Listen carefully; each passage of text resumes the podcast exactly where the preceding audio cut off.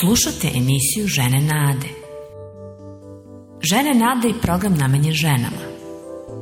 U narednih pola sata ćete uživati u lepoj muzici i posebnoj poruci za vaše srce. Ostanite uz nas.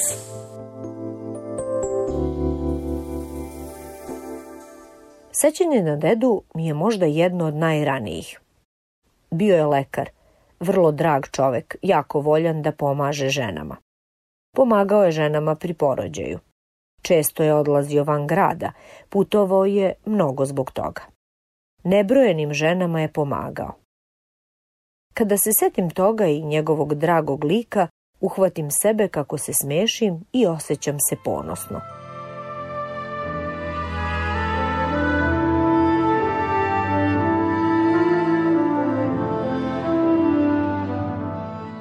Dobrodošla u emisiju Žene Nade. Ja sam Bilja. Baš je lepo što smo ponovo zajedno. Danas je kao i uvek sa nama i Tanja, voljna da podeli jednu svoju životnu priču.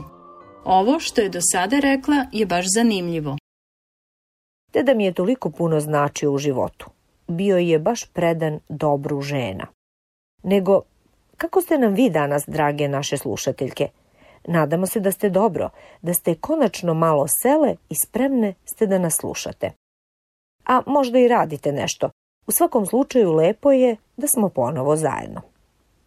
Današnja emisija će biti malo drugačija. Zamolila sam Tanju da nam kaže nešto o sebi, o onome što je naučila kroz život. Nije li lepo kada delimo takva međusobna iskustva? Mi žene to posebno cenimo. Ovo što si na početku rekla govori nam da je deda bio značajan lik tvog života. Jeste. Kako je samo pomagao ljudima, a posebno ženama zbog svoje profesije. U tome mi je primer. Razmišljam kako bih i sama mogla da pomažem drugima. Zato sam studirala za zubara. Baš zanimljivo. Inače, ja i ne volim zubare i sve ono neprijatno čačkanje po zubima. Verujem ali sve mi znamo da ako ne posećujemo zubare zbog malo bola, na posledku idemo kod njih zbog mnogo, mnogo više bola. Da, to je istina. Postala sam zubarka jer sam uživala u tome da ljude oslobađam bola, da ih rešavam nevolje. Pa, to zvuči baš kao odličan razlog. Ali reci nam više o svemu tome. Kao mlada devojka znala sam da jednog dana želim brak, porodicu i karijeru stomatologa. Uvek sam bila jako organizovana osoba. Volela sam planiranja i činila sve da budućnost spremim što je bolje moguće. Ali, da li ste i vi nekada imale snove i planove koji nisu išli baš onako kako ste mislile? E, baš je tako bilo sa mnom. Da vam kažem nešto o tome. Udala sam se za stranca i napustila domovinu. Otišla sam u drugu državu. Ali tamo sam otkrila da mi bez dodatnih ispita nije moguć rad u struci, a to je bio dugotrajan proces. Ali i to sam uspela i počela sam da radim. Nažalost, ne zadugo. Političke prilike u ovoj zemlji su se iskomplikovale, pa smo muž i ja odlučili da otpočnemo novi život u nekoj drugoj zemlji. I tako, Spakovali smo se i odselili. I danas se sećam straha zbog nepoznavanja nikog. Došli smo stek nešto novca i hitno smo morali da radimo. Muž je radio za jednu kompaniju, a ja sam se opet šokirala otkrivši da ni ovde ne mogu da radim kao stomatolog. Oho, to je bila baš loša vest za nas. Počela sam da radim šta sam stigla jer nam je novac bio jako potreban. Ali priznajem da ni u jednom od tih poslova nisam uživala. Želela sam da pomažem ljudima, verovala sam da to mogu jedino kao stomatolog. Zbog muževljivog posla morali smo da se s vremena na vreme selimo u različite zemlje. Ali i svuda je bilo isto, ništa od mog posla. A tako sam volela stomatologiju. Mrzela sam ovo stanje i postajala sve ogorčenija i ljuća. Zato sam odlučila da sledeći put Kod sledeće selitbe vapim Bogu za pomoć. Rekla sam mu, Bože, ti znaš da mi je stalo da od svog života uradim nešto korisno. Želim da pomažem ljudima. Zato, ako u ovoj zemlji ima nešto za mene, pokaži mi. Prihvatit ću to. Sve što sam do sada radila me je činilo praznom i nezadovoljnom. Odustajem, ne mogu više. Da li znate da nas Bog rado sluša dok mu se molimo i još rađe nas uslišava? Pa, i ja sam to znala jer je i moje molitve uslišavao. I onda, par dana kasnije, nakon molitve, dobila sam priliku za volontiranjem. Neplaćenim, naravno. Srećom, muželjeva plata je bila dovoljna za nas. Dakle, srela sam grupu žena poput mene iz raznih zemalja, čiji su muževi radili kao i moj. One su međusobno skupljale novac, a na meni je bilo da nađem nekoga, neku grupu kojoj je takva pomoć bila potrebna. Prihvatila sam izazov i uskoro otkrila jednu grupu. Bile su to četiri kaluđerice koje su spasavale žene iz kanđi prostitucije, iz zla kome se te nesrećnice najčešće nisu prepuštale svojevoljno. Uglavnom, bile su primorane od strane muževa da im tako zarade za drogu ili piće. Mnoge su samo tako preživljavale jer nisu imale neku drugu priliku, obrazovanje ili veštine. I tako sam, nakon godina traganja, konačno pronašla svoju strast. Rad sa tim ženama postao mi je veliko životno iskustvo. Bože, budi milostiv meni grešnome Oče sveti ne gledaj na bezakonje moje. Oči su tvoje kao oganj plameni. Duša mi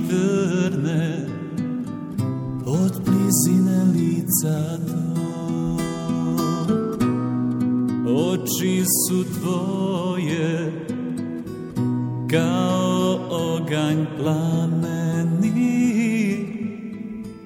Duša mi trne od blizine lica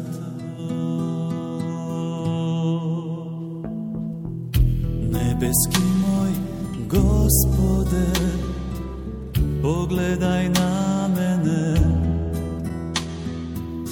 Za grehe svoje kajem se Tu kod Golgote.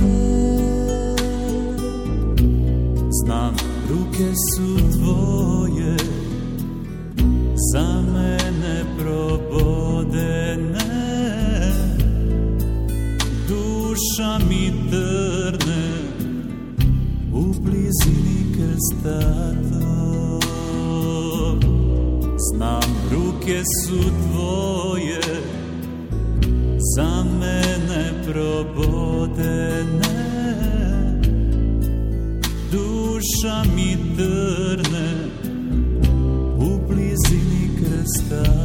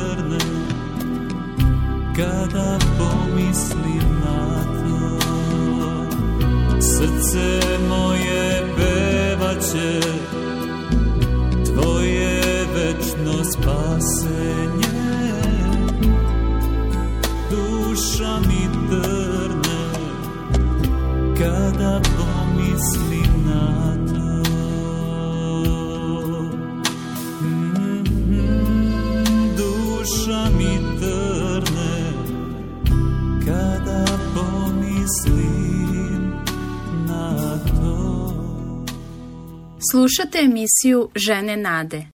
Tanja nam priča kako je pronašla sebe, svoju strast, ono što najviše voli da radi. Počela je da pomaže ženama uhvaćenim u kanđama prostitucije. Pomagale smo im vrlo praktično. Smeštaj hrana, lekovi i stomatologija. Decu smo im slale u škole. Učile smo ih zanatima kako bi mogle da rade i dostojanstveno zarađuju.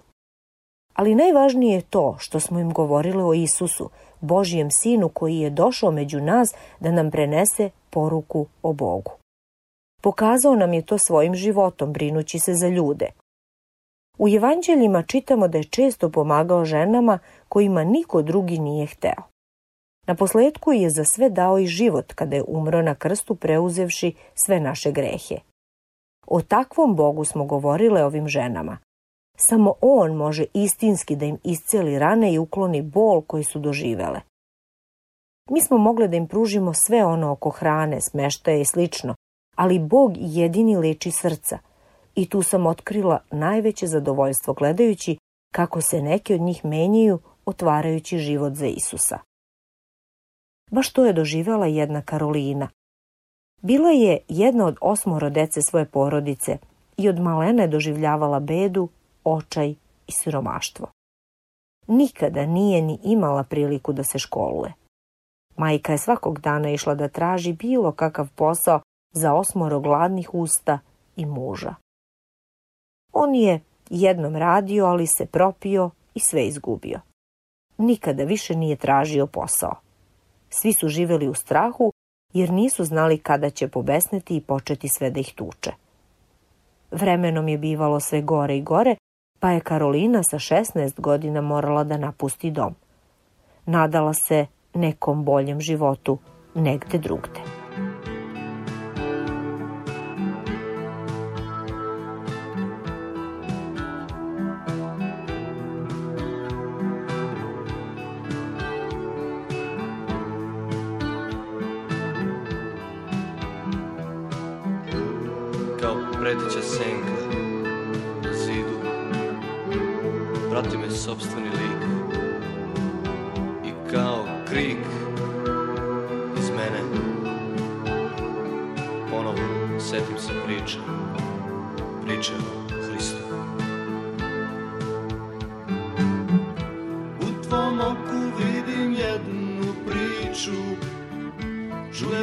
Reči koje zovu pevaš pesmu o čoveku, patnje o čoveku i gospodu.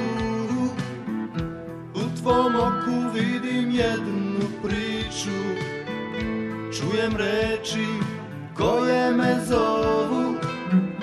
Pevaš pesmu o čoveku, patnje o čoveku gospodu govori noćas o Isusu.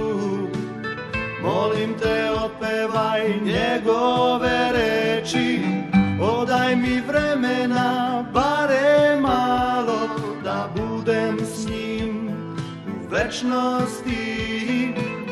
Pričaj mi priču o Isusu. Molim te otpevaj njegove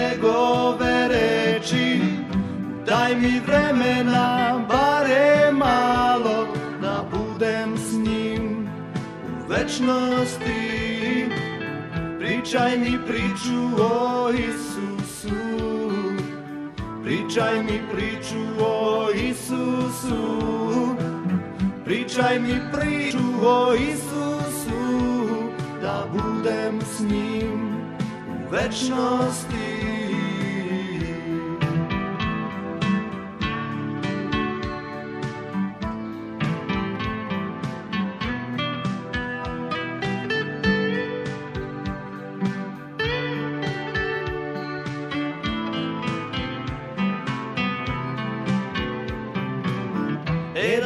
Gledao Boga u oči Stavio glavu na njegove grudi I ti bi želeo bare malo Da budeš s njim u večnosti. E da si gledao Boga u oči Stavio glavu na njegove grudi ti bi želeo bare malo Da budeš s njim u večnosti. Pričaj mi priču o Isusu Pričaj mi priču o Isusu Pričaj mi priču o Isusu Da budem s njim u večnosti Pričaj mi priču o Isusu. Pričaj mi priču o Isusu. Pričaj mi priču o Isusu. Da budem s njim u večnosti. Pričaj mi priču o Isusu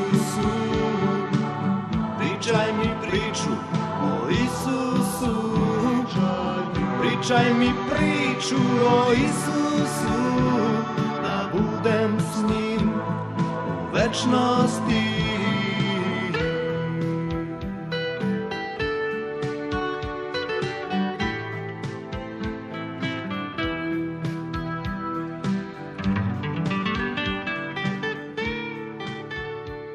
Dobrodošle nazad u program Žene nade. Slušamo svedočanstvo o Karolini koja je iz očajanja napustila bedu rođenog doma i sa samo 16 godina krenula u svet u nadi da će naći bolji život. Tužno je što mnoge devojke poput nje, želeći bolje i bežeći od nevolja porodice, završe na ulici, bez novca i krova nad glavom.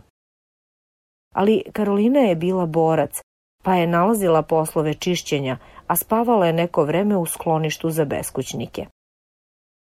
Tamo je srela Carlosa, nezaposlenog mladića koji joj je izjavio ljubav. Zavolili su se i ubrzo preselili u sobicu jedne kuće koju su delili još sa nekim ljudima. Karolina je uskoro sa njim dobila dvoje dece i za to vreme se barem na kratko osetila sigurnom. A ubrzo je Carlos postao zavisnik, Nije mogao da radi dugo na jednom mestu, a stalno mu je bio potreban novac za drogu.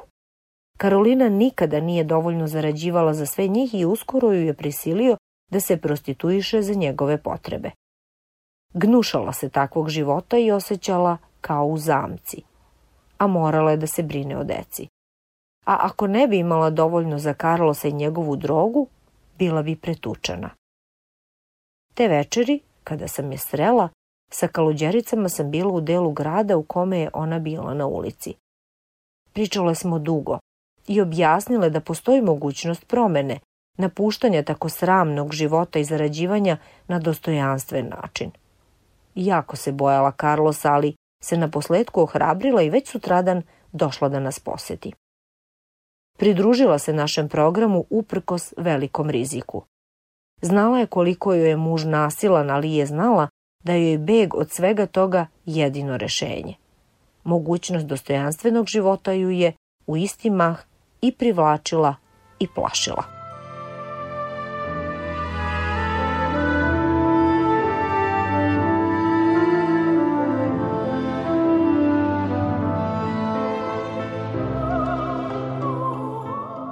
Slušate program Žene nade – Tanja nam priča o jednoj Karolini i njenoj životnoj drami. Iz kuće je pobegla od bede i siromaštva sa samo 16 godina, nadajući se boljem životu. Ali ubrzo se našla na ulici i u zlu prostitucije. I tako je Karolina odlučila da napravi važan iskorak u promenu. Premda silno uplašeno od muža zavisnika, prihvatila je pomoć. Tanja, reci nam šta je potom bilo sa njom? Sa decom je posećivala lekara i zubara. Išla je na psihološko savjetovanje jer je morala da se nosi sa bolom, strahovima i tugom. Naučila je da piše i čita, da tka, pa je uskoro zarađivala od prodaje ćilima. Deca su joj krenula u školu koju smo priredili. Imale smo samo jedan uslov da bismo joj isplatili novac od prodaje njenih ćilima. Da se ne vraća prostituciji i složila se. Jeste li skoro videle neki lep cvet koji je nekako uvenuo i klonuo?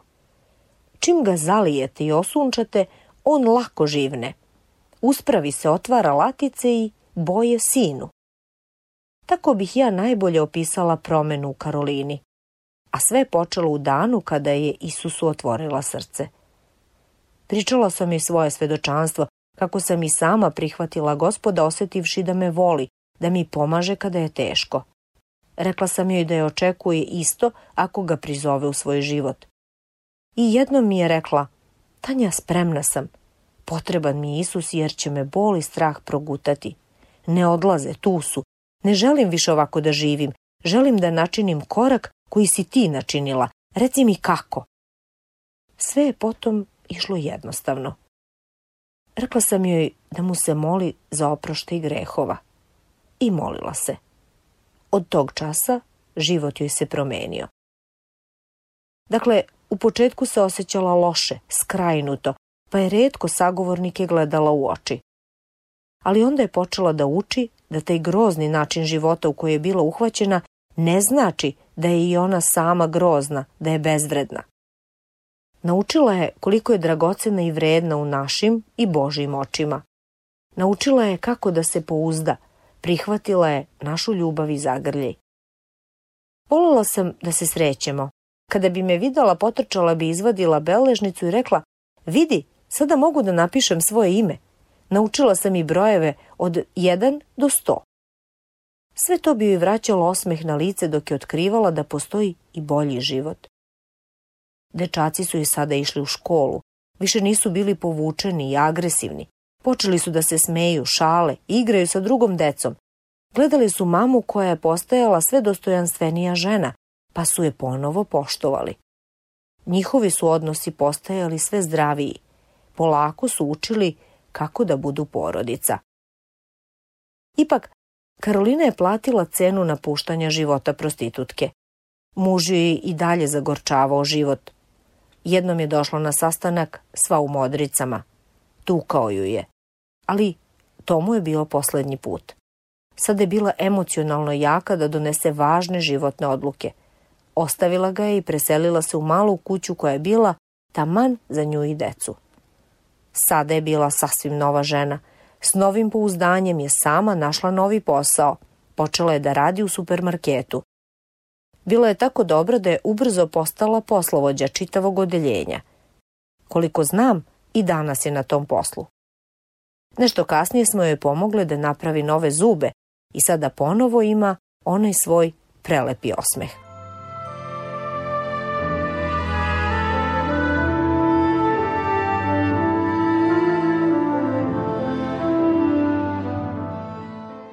Slušate žene nade, slušate priču o Karolini, čiji se život dramatično promenio na bolje. Bila je prostitutka, ali jednom prilikom je srela grupu žena koje se brinule za ove unesrećene žene i koje su i ponudile pomoć. Naučila je od hrišćanki mnogo o Isusu, Božjem sinu, o tome kako u njemu može da se reši krivice i bola. Sa svojim sinovima je otpočela novi život. Znate, ne znam kako vi živite, drage slušateljke, jer se često susrećemo sa teškim izazovima i neprilikama. Jednom sam pitala Karolinu, kako si preživela sve te užase? Odgovorila mi je, jednostavno, nikada nisam gubila nadu da će mi se jednom ipak dogoditi nešto lepo. I dogodilo mi se. Zato želim da ohrabrim sve vas, drage žene koje nas slušate na bilo kom kraju sveta – ne gubite nadu. Verujte da se i vama može desiti nešto lepo. Kako? Zbog dobrog Boga ljubavi kome možete da se obratite za pomoć, ma u čemu da ste, on vas voli i zna koliko ste vredne kao osobe. I kako mi je Karolina i njena priča postala lično nadahnuće, od tih dana sam odlučila da posvetim život svim ljudima sveta. Odlučila sam da im govorim o Isusu, o snazi koju ima da svakome promeni život. Pronašla sam najbolji mogući posao za koji nisam ni znala. Na ovaj način pomažem mnogima i to više nego da sam postala zubarka. Volim to što služim Isusu, volim da svedočim o njemu a on čini sve ostalo, dok menja ljude, dajući im sebe kao nadu. Jako, jako sam zahvalna za ovo svoje iskustvo. Naučila sam da naši planovi često traže sve naše, načine i puteve. Ali Božja je promisao uvek bolja. Stalo mu je da nas vodi ako mu to dopustimo.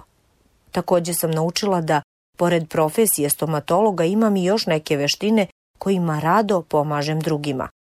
A nikada ih ne bih otkrila da sam ostala u svojoj ordinaciji do kraja života. I sada, kada se setim šta sam sve radila, shvatim da ništa nije bilo uzalud. Pomagala sam ljudima na svim tim poslovima samo na drugačije načine. Hvala ti Tanja što si ovo podelila sa nama danas. Karolinina priča života je baš izuzetna. Bližimo se kraju današnje emisije. Vreme je da se molimo za vas. Znamo da mnogi od vas trenutno prolaze nevolje i probleme. Možda zbog toga mislite kako vam život zapravo i ne vredi mnogo. Posebno i ne pomišljate kako bi kao takvi pomagali bilo kome. Ali mislim da smo sve danas naučile nešto posebno. Karolina priča o sebi, ali i svima nama. Vredne smo Bogu. On hoće da nam po svom sinu rado oprosti sve što god loše da smo uradile, ako nam je žao i kajemo se. Baš sve ono zbog čega se osjećamo bezvredno jer nas je stid. Bog može da nam pruži novi početak. I vama, baš kao i Karolini. Negde na početku nam je Tanja spomenula sparušeni cvet. Možda se i vi baš tako osjećate sada. Malo vode i svetlosti i eto života i boja ponovo. Evo one lepote. Vratila se. Bog je i vas sazdao prelepim baš kao svaki cvet. Posebna ste i želi da vas zalije svojom ljubavlju. Vrati vas životu i dostojanstvu. Molit ću se za vas. Bože, Oče nebeski, hvala ti što si svaku od nas, žena, učinio prelepim cvetom. Sve smo tako različite sa različitim sposobnostima i veštinama, ali sve smo prelepe u tvojim očima. Molim te da svaka žena koja nas sada sluša razume koliko ti je dragocena. Pomozi joj da ti se obrati i zatraži pomoć od tebe. Molim te pobrini se za njene potrebe i sve što je tišti. Molim te u ime Tvog Sina Isusa, koji je za sve nas dao život. Amin. Hvala. Tako je dobro setiti se svaki dan da smo dragocene Bogu koji nas traži, koji može da nas nađe i pomogne nam. Ako želite da nam se javite, podelite s nama nešto lepo, neku potrebu, razmišljanje, bit će nam drago. Pišite nam. Naša adresa je Žene Nade, Poštanski pregradak 37, 11060 Beograd, a naš broj telefona je 062 396 331. Zapratite nas i lajkujte našu Facebook i Instagram stranicu pod nazivom Žene Nade. Želimo vam prijatnu i blagoslovenu narednu sedmicu. Pa, vreme je da se rastajemo, ali ne zadugo. Uskoro smo ponovo zajedno. Bog vas sve blagoslovio.